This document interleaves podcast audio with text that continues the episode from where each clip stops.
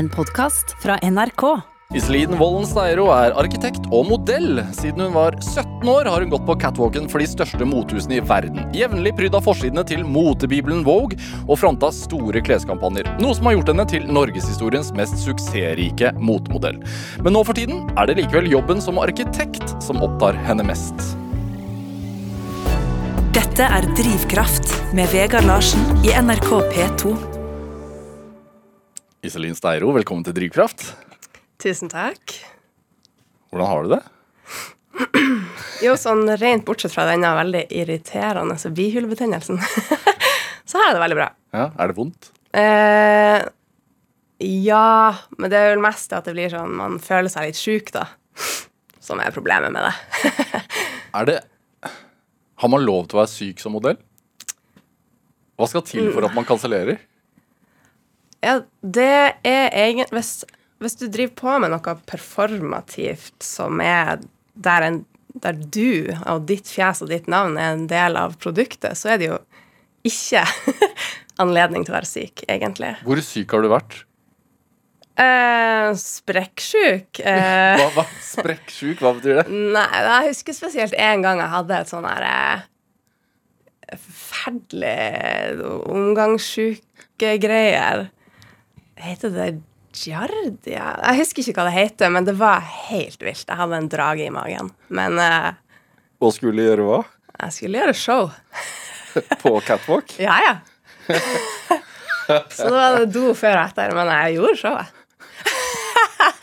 eh, så jeg har faktisk bare kansellert jobb to ganger i løpet av denne eh, Ja, det nærmer seg jo 20 år. 20 år, ja. Er det ikke 20-årsjubileum, da? Uh, ja, det spørs hva, hva du regner det fra. jeg ble jo uh, oppdaga, som det heter på fint, um, i desember 1999. Ja. Så da var jeg nettopp fylt 14. um, og, eh, men jeg begynte jo ikke å jobbe sånn ordentlig før eh, Jeg begynte litt sånn smått i Norge fra jeg var 15, og så dro jeg til New York første gang da jeg var 17, da. Så ja, det er jo Jeg er jo 37. Ja, det er 20 år, ja. Det, det å bli oppdaga, som det så fint eh, heter, sier du, og så ser du rynker på nesa. Ja, altså Den eh, modelljegeren, er det det heter på norsk? En sånn scout som da eh, så meg på gata i London. De kan jo ikke liksom si noe om der og da at de vet at jeg kommer til å gjøre det bra. Eh, men de så et uh, potensial, da. På Oxford Street, liksom? Ja. Var det det? Først var det på Oxford Street. Um, Først? ja, det var to på den turen, da. Hvorfor var du i London? Jeg var på en, eh, en tur med mora og faren min på juleshopping. Vi skulle, de skulle vel prøve å gjøre noe hyggelig for meg, bare meg, da, og ikke søsknene mine. At vi var oss tre. um, Var det mann eller dame? eh, det var Begge to var menn, så vidt jeg husker. Men den første, da, på, Ox på Oxford Street Ja. Han ble grundig avfeid av mora mi, som sa noe sånt som uh, 'over my dead body'. Hvor, hvorfor fikk hun piggene ute? Uh, nei, altså, modell Jeg tror ikke det er noe som de s- syns var noe sånn høyverdig. eh, og så var når det etter hvert eh, Og du var jo et barn, da. Ja, det var jeg også, herregud. Um, jeg ser, når jeg ser på bilder fra den turen, så ser jeg jo at jeg var absolutt et barn. Og jeg ser jo heller ikke helt hva det var de her scoutene så, men um, Men hva sier de da? Altså, hvordan er Hva, hva, en mod, hva kalte du det? Modelljeger? Hvordan funker det? mm, Nei, de eh, Altså, den her andre personen, da, som em, som eh, kom bort til meg og faren min, da, i eh, Inne på Topshop, var det. mm, han spurte om han kunne få ta et polaroidbilde. Eh, og spurte etter navnet mitt og hvor jeg var fra, og sånn og sånn. Og så sa faren min ja, ja, det var greit, liksom. Bare få det gjort, og så kan vi fortsette med vår dag. Og tenkte ikke noe mer over det. Men så kom det da litt senere et eh, brev, så vidt jeg husker, fra ti modeller i Oslo som da hadde fått det her polaroidbildet Ja. tilsendt av denne agenten i London. Og teammodeller eller teammodels som i hvert fall har vært Jeg vet ikke om det er det største modellbyrået i Oslo, Mm. vel? Altså sånn tallmessig så vet jeg ikke, Nei, men- men den er kanskje i hvert fall det eldste. Mest anerkjente. Mest anerkjente, ja, det er det.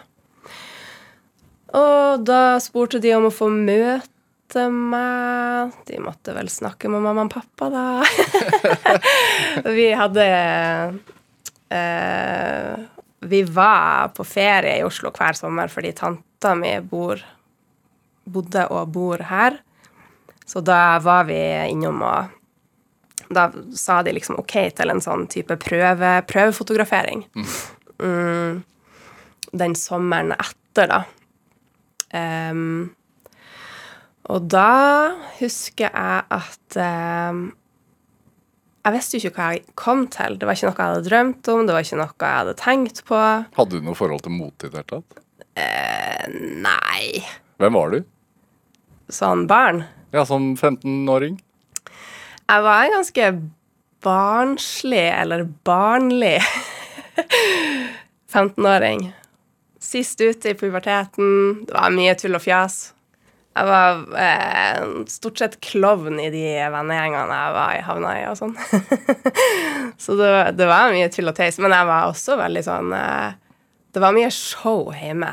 Så jeg hadde jo en eller annen sånn form for eh, performativ trang, eller em, Likte å stå på scenen. Og, og synge hva? Nei, ikke synge. Mime. Mi- Ja, ja, til, til hva? Eh, nei, det var på den tida der så var, jeg husker jeg det var en del Mariah Carey. og så Og så når jeg var i Tøysehjørnet, så var det de der Åh, eh, Åh, gud, hva det heter Nei, Det kommer jeg på senere. Men jeg var en sånn rapper, da. Og venninna mi var sangeren. Var sang Sangedama. så sånn var arbeidsfordelinga i vårt show. Men ja, mm, jeg dro på denne uh, testfotograferinga, og da um, var det en sånn her umiddelbar um, erfaring av at jeg skjønte det. Hva vil det si? Det er litt vanskelig å forklare, men det er jo Det er jo en slags dans med fotografen. em, der um, man prøver å, å fange et øyeblikk eller få til et bilde, da. Um, og det er jo fotografen som ser, men jeg må jo på en måte lage bildet. Og da ser jeg jo om fotografen Fotografen kanskje gir meg et hint om at eh, han eller hun vil at jeg skal gjøre det, gå litt til høyre eller litt til venstre, eller sånn, og så, og så kanskje gjøre det, eller kanskje gir et annet bud. Gi et bud, hva er det? Ja, gi en, eh, en form eller en ja, form for posering eller et uttrykk, da. Også. Ser du deg selv utenifra, eller er det bare kommunikasjon med, Nei, med det er kommunikasjon med fotografen. Når jeg ser at fotografen blir ivrig, da, um, så kan man jo liksom merke at nå ok, nå er vi inne på noe, og så liksom jobbe litt med det, da, rundt der man er. Men eh, jeg kan jo også merke, sånn, særlig på på sett kanskje at man kan jo kjenne at nå er lyset treffer meg bra i øyet. Altså. Men det er litt vanskelig å forklare, men du, du merker veldig godt når OK, nå. Nå er vi inne på noe, og yes, nå har vi det.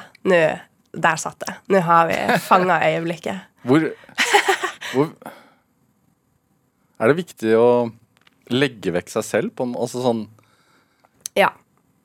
Det er mange som eh, tenker at det å være modell handler om å se fin ut. Ja. Og det er jo selvfølgelig er jo Estetikk er jo en del av pakka, på en måte, men eh, det er like viktig, nesten kanskje viktigere, at du er fotogen, altså at du kan jobbe foran kamera.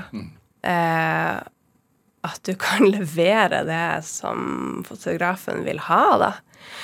Og kanskje også gjerne pushe det utover det som er fint. At du skal være villig til å ikke være så fin. at det blir rart. Eh, at det blir mer interessant, da. Mm. Det, det, og det er jo, dette er jo på en måte da starten på det hele. Altså det er jo en, hvis man sier at det er 20-årsjubileum så- i, i den karrieren så det, du, du kan jo se tilbake på Du gjør jo fremdeles modelloppdrag, men, men færre nå enn tidligere. Men en helt vanvittig karriere. Eh, Ja. jeg, jeg, tror, jeg tror egentlig ikke folk skjønner helt sånn hvor uoppnåelig det du har fått til er innenfor det yrket. Nei, Jo, jo, nei. nei, jeg har kanskje ikke snakka så mye om det, eller For eksempel Vogue, da. Eh, amerikansk eh, magasin i utgangspunktet, og så har de jo blader fra over hele verden. da, altså britisk, eh, fransk. Men, men et av de mest liksom, prestisjetunge, kjente magasinene. Hvor vanskelig er det å havne på et cover på Vogue?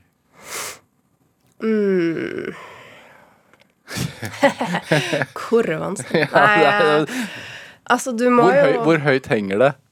eh, Veldig høyt. det var jo et av mine karrieremål. var å Coveret på franske Vogue var mitt karrieremål, da. Av de forskjellige. Hvorfor det? Eh, jeg syns jo at det var en slags sånn eh, det, det, Der på en måte møttes det, det mest sånn avantgarde og eh, Ikke kommersielle, men at det var veldig sånn mer tilgjengelig enn f.eks. italienske òg, da, som jeg også har som jeg hadde cover på fra før. før jeg endelig fikk franske òg. Men det, det var sånn Det er jo Eller var da veldig, veldig avantgarde, og det er jo kult, men eh, Men i franske Vogue så var det en eh, også det at man nådde ut til en litt sånn større publikum, kanskje. Mm. Hvilke dører åpner det? Et cover på Vogue? Ja, det er jo Det er jo et samspill, det der, men Men da blir det jo et navn mer enn eh, Mer enn et fjes, kanskje. Etter hvert. Hvor- mange Vogue-cover har du? Eh, Altså, hvis vi teller de som Det vet du. Mm, Jeg har ikke helt oversikt over liksom, de perifere, sånn der eh, russiske og kinesiske og sånn. Men eh, jeg har jo to franske Vogue-cover og eh, to Nei, tre italienske Vogue-cover, ja. ja, så det er fornøyd med det. Dette er Drivkraft med Vegard Larsen i NRK P2. Og i dag er eh, arkitekt og modell Iselin Steiro her hos meg i Drivkraft på NRK P2. Det, hverdagen din nå er jo litt annerledes. Hvordan er en vanlig dag for deg? Ja, nu, akkurat nå er jeg jo veldig stoka på mitt nye hjemmekontor-hverdagsliv. der em, jeg har permisjon fram til sommeren fra min jobb som arkitekt, som ansatt i et arkitektkontor. Element. Element arkitekter her i Oslo. Veldig eh, fine folk, flinke folk og eh, ambisiøse sjefer og ja. Men der har jeg permisjon eh, fra for å gjøre et eh, eget prosjekt nå i vår. Eh, og da har jeg installert meg i mitt, uh, nye, min nye hjemmekontorkjeller, og jeg er veldig gira på det. og da en vanlig dag, da Nei, da må man jo få ungene ut av huset først, da. og så er det å koke seg litt til og sette seg ned der og tegne og bygge modell, gjør jeg. Hva- Hva er et godt hjemmekontor? Ja, det er viktig å ha en plass å legge seg ned. jeg liker å ligge flatt, sånn når man tenker. Har du da divan, liksom? Ja, ja, det har jeg. som også fungerer som en sånn der eh, søvnspa for den, som, eh, den av oss som måtte trenge ei god natts søvn fra småbarnslivet i andre etasjen. Nei da, men vi har eh, Et godt hjemmekontor? Nei, jeg har litt grønnplanter og um, plass. Utsikt. Mm. Og luft. Hvorfor, hvorfor arkitektur? Nei, si det. Jeg bestemte meg for det på videregående. Da det var sånn der um, yrkes... eh, hva er yrkesdager, så kommer det folk innom skolen og forteller om seg, seg og sitt yrke når man skal velge fag, ikke sant? og da husker jeg at det kom en arkitekt til min klasse, og at eh, Hvor var dette her i landet? dette var i Harstad, på Heggen videregående.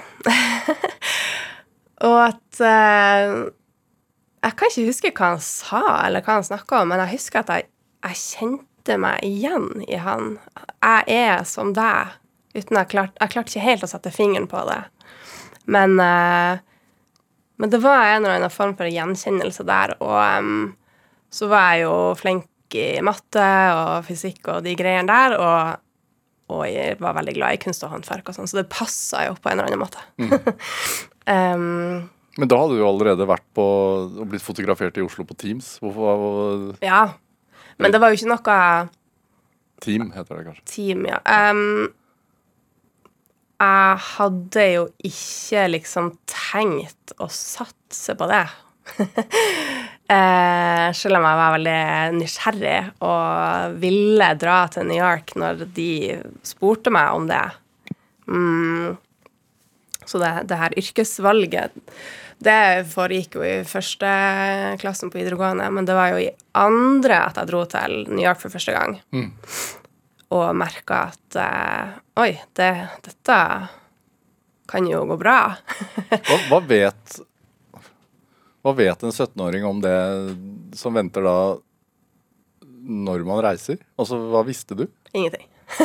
Nei, jo, men du måtte jo ha noe det, du, du hadde jo blitt spurt om å reise. Ja, altså Nei øh, Nei, jeg visste ingenting, rett og slett. Men hva var Altså, du fikk tilsendt en flybillett? Eh, nei, ja, eller ja, søstera mi var med meg som sånn chaperon, chaperone, som det heter. Storesøster? Ja, storesøster, som en slags barnevakta. Jeg hadde jo gjort noen, foto, noen fotojobber i Norge, så jeg visste jo hva liksom selve jobben gikk ut på. eh, men når vi kom dit, så var det liksom vær så god, her er et kart over New York og en metrobillett, og her er ei liste over alle plassene du skal dra på casting, da. Og vise mappe? Eh, vise mappa, ja. Som var tynn på den tida der. Hadde, du, hadde du vært i New York før? Nei. Og det var jo helt fantastisk. jeg husker fortsatt den følelsen der. At hvor stort det var. Og at jeg bare gikk og så opp hele tida. Og at det var bråkete, og alt var nytt. Og, men jeg er veldig glad i Jeg er glad i det ukjente. Hvorfor det? Det er jo spennende. Alt er mulig. ja. Så en slags sånn eventyrlyst rett og slett da, som gjorde at Ja. dere dro? Mm. Måtte du overtale de hjemme? Mm, ja, de var nok litt motvillige, men eh, de var jo Jeg tror ikke de var så redd for sånne ting som eh, de sikkert burde vært redd for, sånn der eh, kokain og eh, voldtektsmenn og sånn. De var mer, kanskje mer redd for at jeg skulle miste hodet. at jeg skulle eh, få for store tanker om meg sjøl. Jantelovsproblematikk, rett og slett. Ja, kanskje det. Er det, er det lett i den bransjen? Ja, det tror jeg. Du får jo veldig mye bekreftelse. Og oppmerksomhet. Mm. Og eh, spotlighten står jo på deg mm, på jobben. Men uh, det er jo en skjør ting, altså Hvis du blir for uh, opptatt av det, så er det jo kanskje lite som, som å holde fast i hvis du da ikke får en jobb. Mm. Hvis du blir avvist, da, for det er jo mye av det også. Mm. I hvert fall i starten av en karriere, da, når man ikke For, for du er jo prisgitt av at noen andre har lyst til å gi deg jobben, når du ikke har vist ennå at du kan levere eh, igjen og igjen. Så er det jo en del avvisninger, da. Hvordan er det? Nei Altså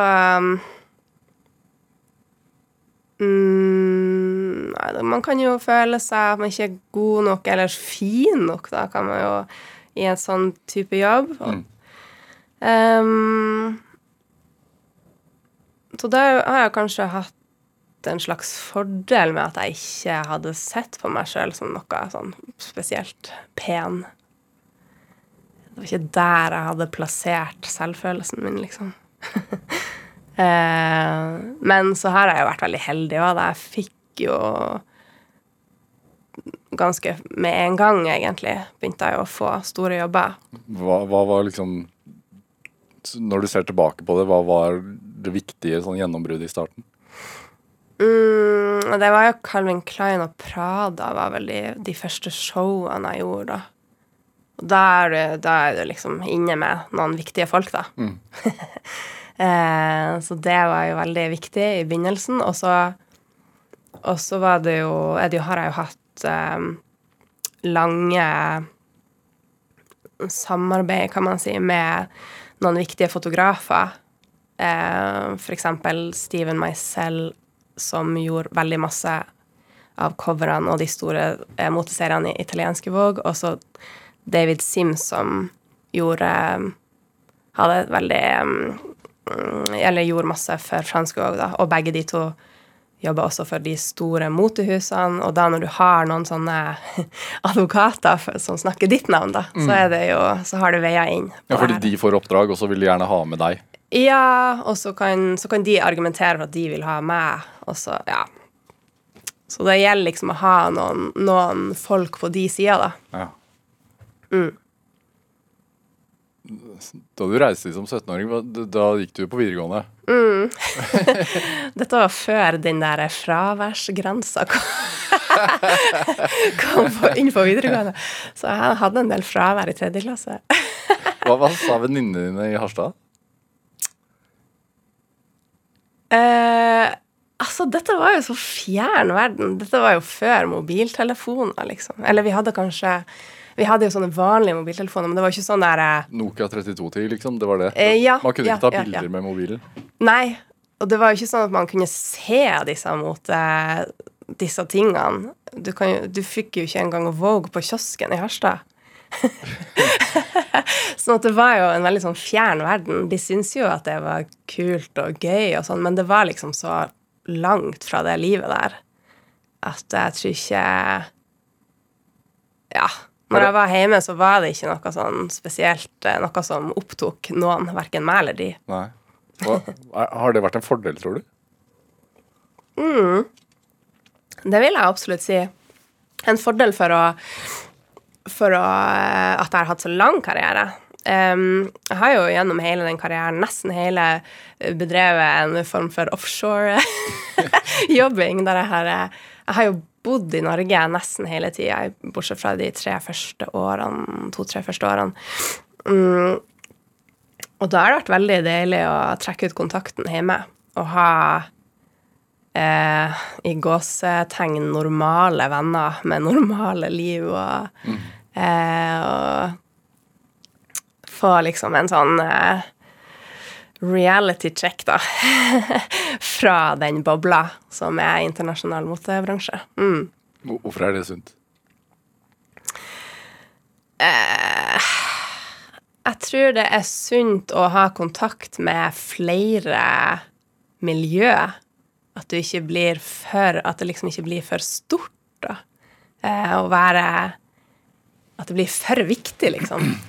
Um, og så er det jo en eh, Jeg vet ikke om jeg skal si Det blir jo sagt veldig ofte at motebransjen er en beinhard bransje. og sånn. Det, det vet jeg ikke om det går an å si om det er noe verre enn andre performative eh, bransjer der du enten er du inne eller så er du ute, liksom. Um, men uh, det er jo en ganske sånn spesiell tilværelse.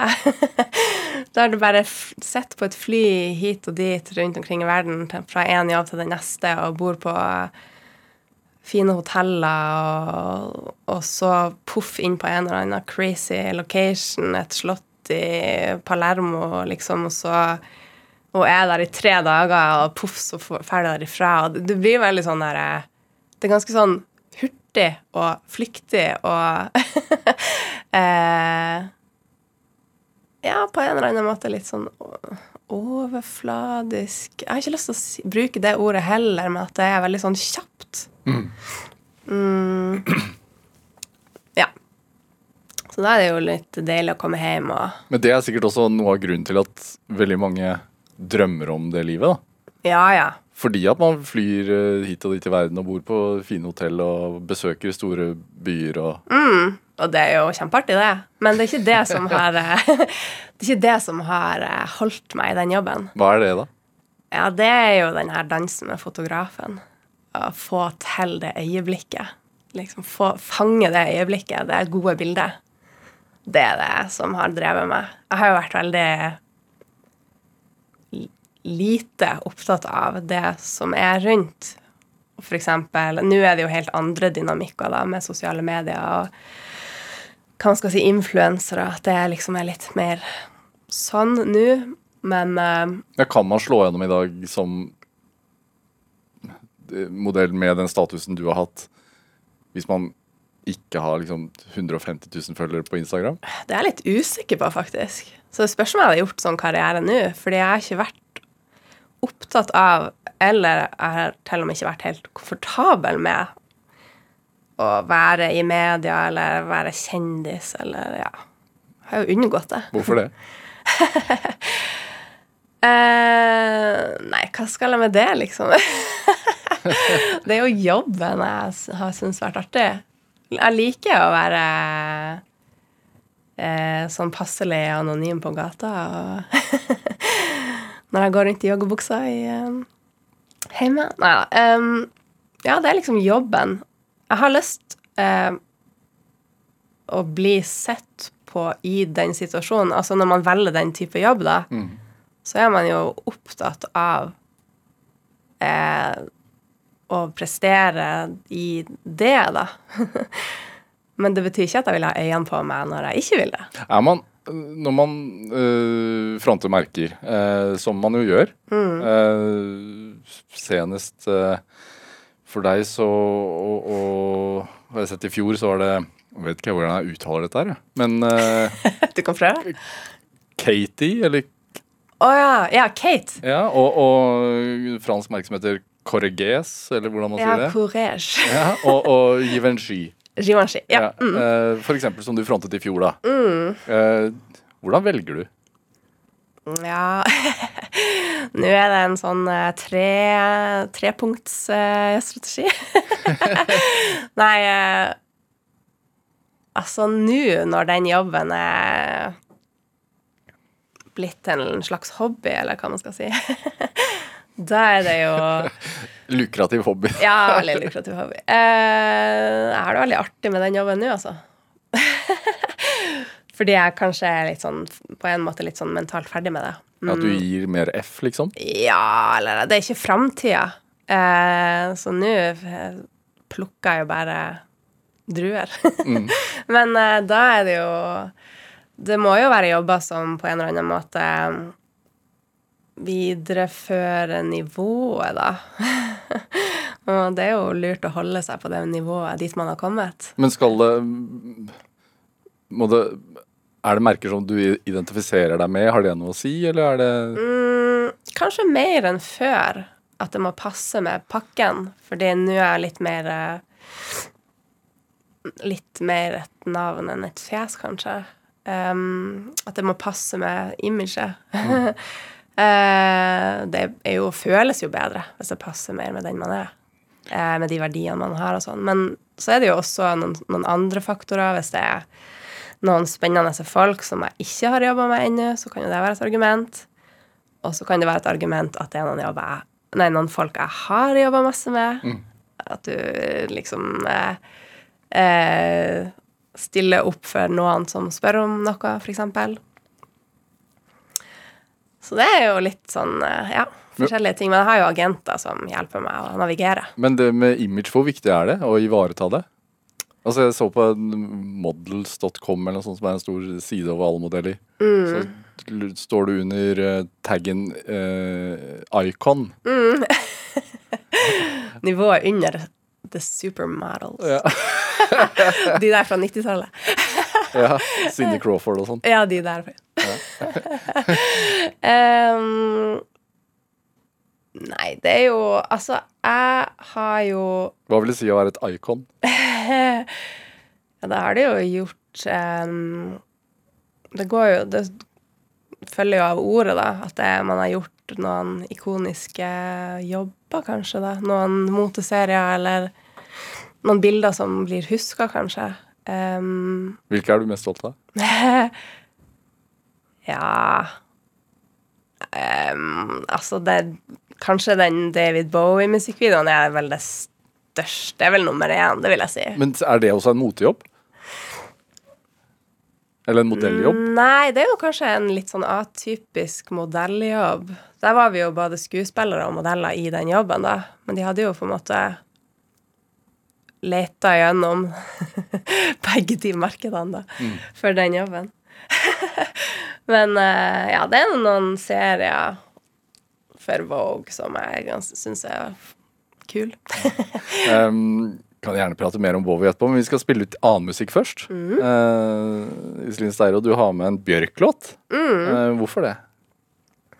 Jeg tok med den fordi em, den er fra en periode av livet der jeg um, vil si at jeg kanskje oppdaga kulturen på en eller annen måte. At det, det jeg kommer fra, er jo veldig sånn eh, fra Nord-Norge. Mm, midnattssol, nordlys, fiske, bærplukking. Altså veldig masse fine, gode sånne type verdier. Um, men så, når jeg kom opp i eh, man, Det blir litt sånn preteen og tenårene, da, så begynte jeg å orientere meg litt utover. Um, Oppdaga at det fantes ting som var spennende der ute, som var mer eh, Ja, eksperimentelt, kanskje. Det var mange Veldig mange på min alder i den tida som hørte på sånne rockegutter. sånn der eh, Hva heter de bandene? Counting Crows og sånn. Eh, Det var jeg 100 uinteressert i. Men, eh, og da i den perioden så oppdaga jeg Bjørk, og at Oi, det fins spennende ting der ute.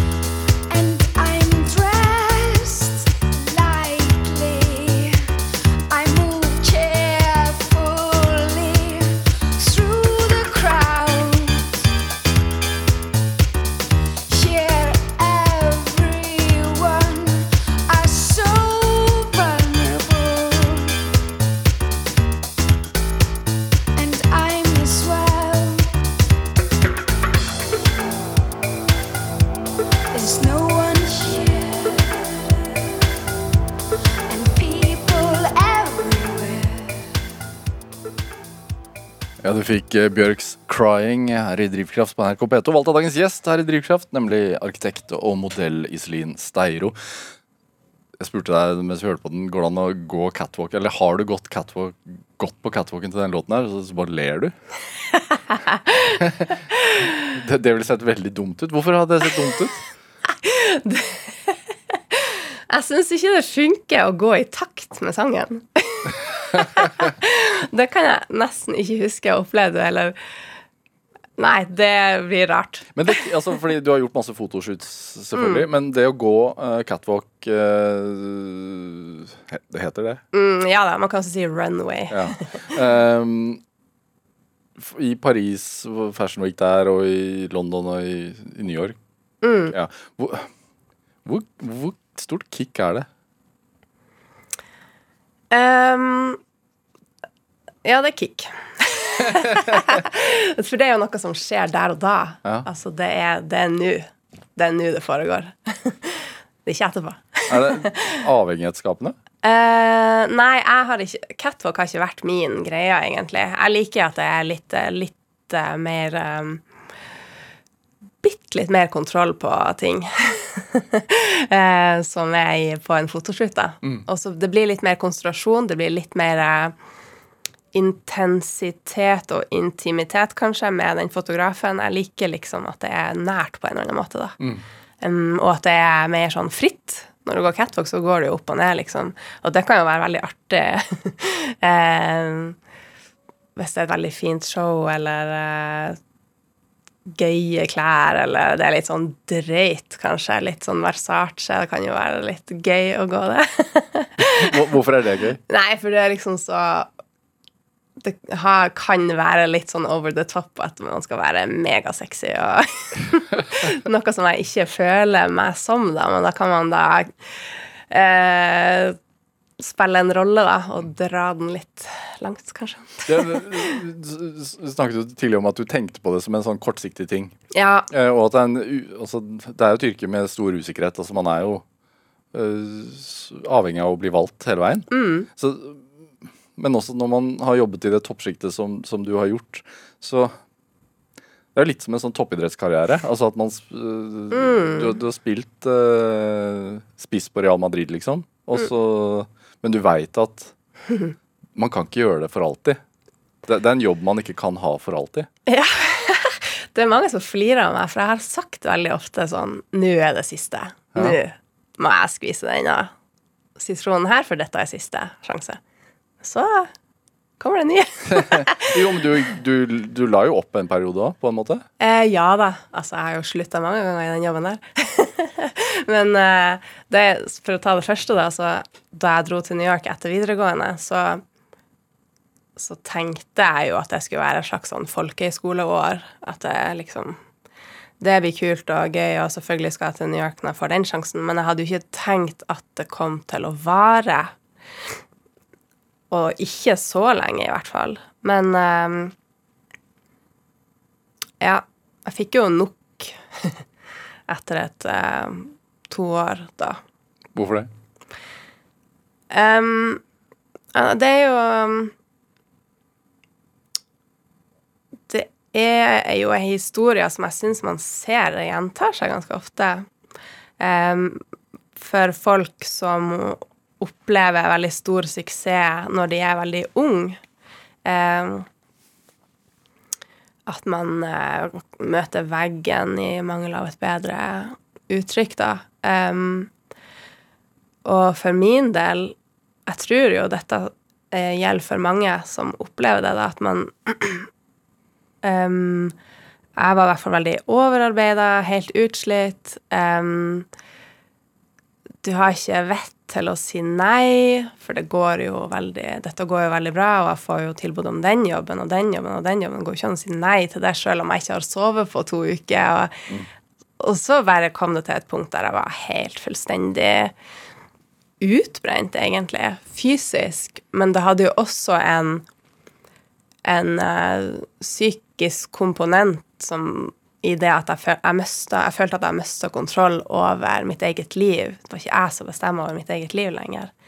Og eh, eh, da når dette raste utforbakke, eller hva man skal si, da Det var på en jobb der jeg bleika håret for første gang. Det var på en måte dråpen. Jeg bestemmer ikke over det engang.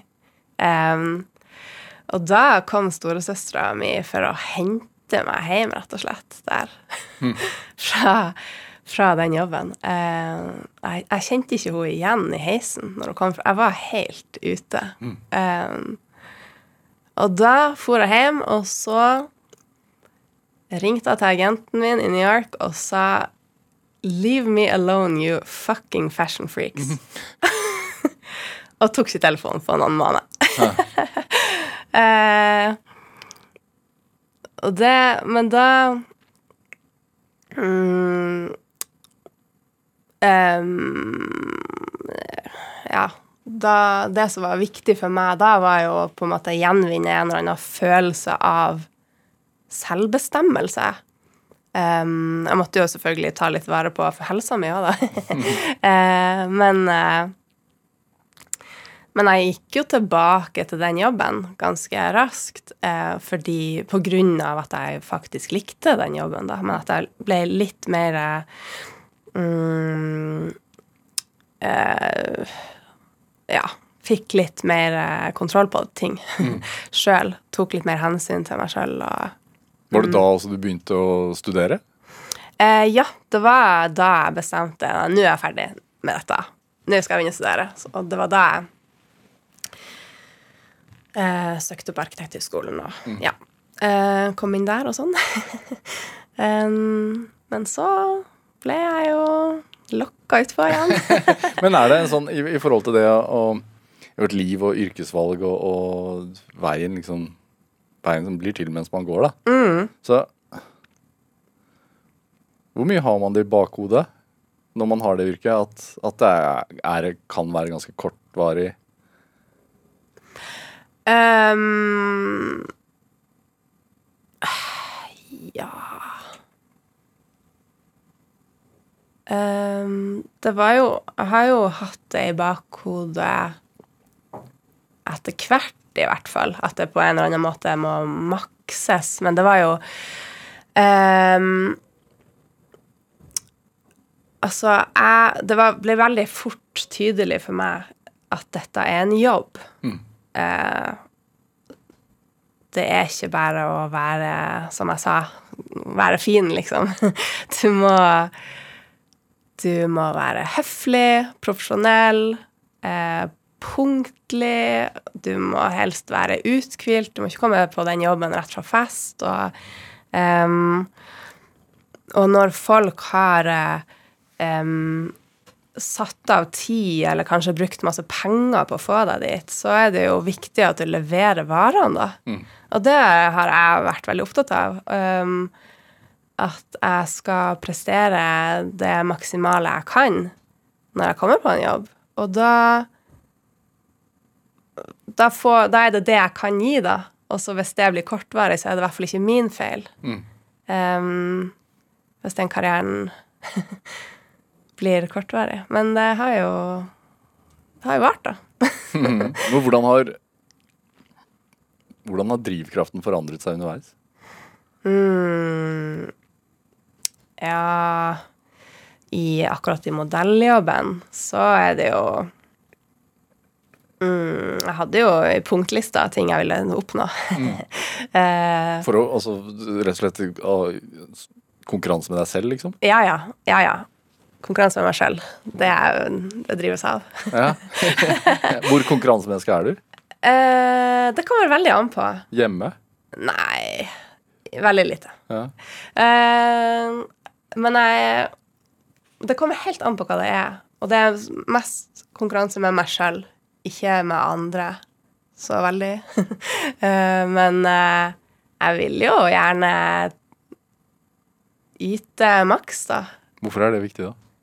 Ja, det er jo å sjekke potensialet. Hva kan jeg få til den tida jeg er her? Hva er mulig, liksom? Altså i livet? Ja, i livet. det vil jeg si. Um, men ehm, så det, det kommer veldig an på. Hvis jeg bryr meg om det, eller hvis jeg merker at jeg kan bli god til noe, da kicker det inn. Men jeg har veldig Jeg kan være veldig uambisiøs også hvis det Hvis ikke den, eh, den der slår inn, da. Konkurrerer du med deg selv som arkitekt også? Ja. Det, vil, det, er om, det er jo om å gjøre å gjøre et bra prosjekt. Mm. Og det er jo det som er overførbart der, da, kanskje mellom de to tingene, at eh, hva er viktig, eller eh, hva, hva er riktig da, i akkurat dette prosjektet, for dette konseptet? Hvor langt kan vi dra den, videre. Mm. Men jeg er jo helt i starten av å finne ut av hvordan jeg skal praktisere det. Mitt neste yrke, for å si det sånn. Jeg var jo ferdig utdanna for Ja, det blir jo akkurat to år siden, da. Em, og siden det så har jeg jobba Min første jobb var universitetslektor på, på Arkitekthøgskolen. Jeg underviste. Det var kjempeartig. det var et vikariat som tok slutt da. Og så Hva er fint med å undervise? Eh, det var jo den kontakten med studentene syns jeg var veldig fin. Og få andre til å prestere også, eller eh, ikke nødvendigvis prestere, men finne noe man er engasjert i.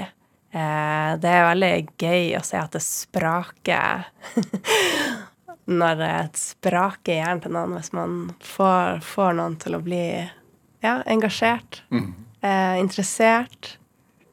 Det er jo um, både arkitektur og også motebransjen. Det er jo samarbeidsprosjekt. Selv om det kanskje er én person foran kamera, det, så er det jo masse folk rundt. Og som arkitekt er det jo også mange eh, fagfolk som er med, eller man er flere om å tegne et prosjekt. da. Og da må man jo på en måte få alle til å samvirke på, med sitt beste, da. Mm. Har du, var har du, hva har du med deg fra hva skal man si, ditt tidligere liv inn i det nye? Det er, det er estetiske Ja, uh, bransjer begge to. det er det. Og, um, men det er jo også det her med det som jeg nettopp sa, med samarbeid um, med andre fra, fra kanskje andre kulturer eller miljø eller um, andre bakgrunner. Og um, eh, gjerne i sånne litt intense perioder, da. Eh, og så må man jo også ha en viss grad av selvstendighet oppi det. Selv om det er samarbeid, så må man jo kunne være selvstendig. Veldig viktig i begge de. Men det er en sterk kontrast, tenker jeg da, fra å stå på, på Arkitekthøgskolen og undervise Mm. studenter, og så reise og være med på Met-gallaen, eller går gå rød løper under Oscar-utdelingen. Ja, det er jo Men kontrast det er Jeg liker veldig glad i kontraster. Og jeg er veldig glad i å få i pose og sekk. det må være litt sånn ekstremt for at man skal kjenne at man lever. ja. Hva gjør deg mest lykkelig, da? Oi. Det var et stort spørsmål. Ehm. Nei, det er jo kanskje litt det jeg nettopp sa. Da. Jeg er glad i at jeg, jeg må liksom ha litt sånn rush. For å kjenne at det er At jeg lever. Men jeg er også veldig glad i um, rutiner tre, få trent. Blitt veldig opptatt av meditasjon. Så um, Også familie, selvfølgelig. Spise god mat. Nei, herregud. Jeg kan jo begynne å ramse opp alt mulig rart. Men hva tenker du om sånn uh, Hva tenker du om jantelov i dag? Også sånn uh, I forhold til det møtet på, på Oxford Street, og moren din sånn Nei, modell. Sånn, uh, Ja, altså Jantelov Det er jo ikke noe bra hvis man føler at man blir hemma av det. men eh, Men jeg vil jo si jeg støtter jo de i at det kan være lurt å prøve å holde på en eller annen form for bakkekontakt. Mm. Hva er din, da? Min bakkekontakt? Ja. Ja, det er jo å fære til Nord-Norge, da. Ta seg en tur på fjellet. Det husker jeg at jeg og søstera mi gjorde. Vi kom hjem fra den der første turen til New York de ukene der og gikk rett på fjellet og bare Kjempemagedrag av den regnende lufta. Bare kjenner på liksom noe som var kjent og håndfast og ekte. da. Må du dit ved jevne mellomrom? Til Nord-Norge? Ja, det må jeg. Mm. Jeg har lyst til å rigge meg til at, sånn at jeg kan være der over litt lengre perioder. Men uh, Men jeg er også veldig glad i mitt litt mer urbane liv i Oslo. Så der har du jo kanskje litt den der pose og sekken, da. At jeg, jeg ville jo helst bo i Oslo, men jeg ville jo helst eh, også gå på fjellet i Nord-Norge i midnattssola når jeg har fri. Ja. Er du nostalgisk? Nei. Det Jeg ser framover. Ja. Men jeg er glad i historie.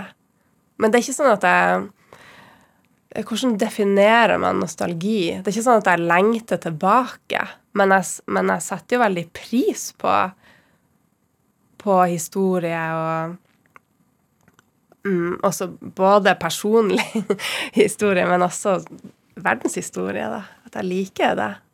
Jeg er glad i det. Jeg syns det er viktig at man har på en eller annen måte litt oversikt over hva, hva som fins, hva som ligger bak også. Men, eh, men jeg ser fremover. det her uh, uh, Ja. Jeg er fremadretta altså, av natur. ja. Hæ. Er det ja, Så det er ikke sånn at du ta, stadig vekk snakker om den Bowie-videoen? nå? Nei da.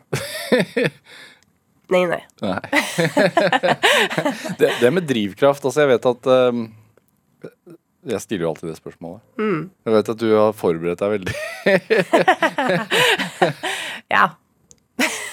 Du må ha litt tid, sa du. Ja, jeg syns det er liksom litt vanskelig å si det med ett ord. Fordi for meg er det litt mer eh, Ja, vi var jo litt inne på det i stad.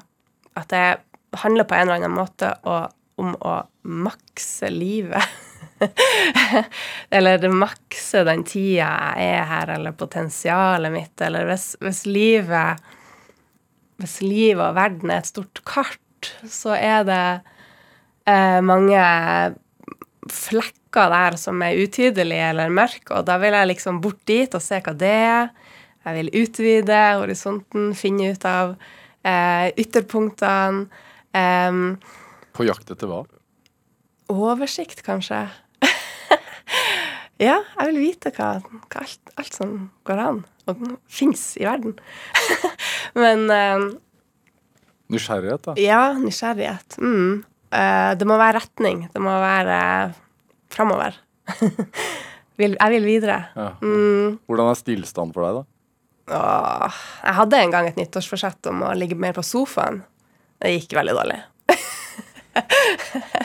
Men eh, ja, det er kanskje mitt lange svar, da. At, uh, at jeg vil liksom uh, få litt mer sånn oversikt over verden og finne ut av hva alt er. Men og det å makse livet, det vil jo mange tro, og jeg også trodde jo kanskje det er en periode, at det handler om å liksom drive litt sånn rovdrift på seg sjøl og tida, men det er egentlig det motsatte, har jeg funnet ut. Det handler om å få det til å vare. Hm, Hva vil det si? At du kan holde en jevn dur framover, og eh, i lengden, da. Ja. Hvordan passer familielivet inn i den maksingen, da? Nei, da må det jo være litt mindre rovdrift og litt mer jevn dur, da. Eh, det passer sånn passelig. du, vi er jo to, Ja. og eh, Du er gift med skuespiller Anders Danielsen Lie, som også har vært, vært drivkraftgjest. Er det en fordel at dere sysler litt med det samme, på en måte? Han har jo også en seriøs, seriøs jobb. Ja, ja, vi har jo den der, eh, hva man skal si, todelte eh, yrkeslivet, på en måte, begge to. Og det er jo veldig bra at vi kan dele det. Det er ikke så mange kanskje som kan forstå behovet for den ene eller den andre tingen når man står i den andre tingen. og vi er jo em, veldig opptatt av, av at den andre skal få lov til å um, Jeg, jeg syns selvrealisering er så stygt ord, det er så belasta ord, men at man skal få lov til å liksom um, utfolde seg på en eller annen måte, da. At det, og at vi snakker mye om at det ikke, det ikke er farlig å ha ambisjoner. Um, det er ikke farlig å ha ambisjoner med mindre de begynner å spise på deg sånn psykisk. Da er det jo dumt. Da må du jo sjekke inn med den der. Da må du jo ta en fjelltur og kjenne på hva som er viktig, liksom. Men uh, det er vi veldig opptatt av, å støtte hverandre i det der, da. Eh, Iselin Steiro, en time eh, går fort. Um, etter oss så kommer Etikketaten. Jeg vet Det skal handle om sånn etikk innenfor mote. Sånn uh, hva klær man skal kle på seg hvis, hvis et merke blir cancela og sånn. Hva tenker du om det?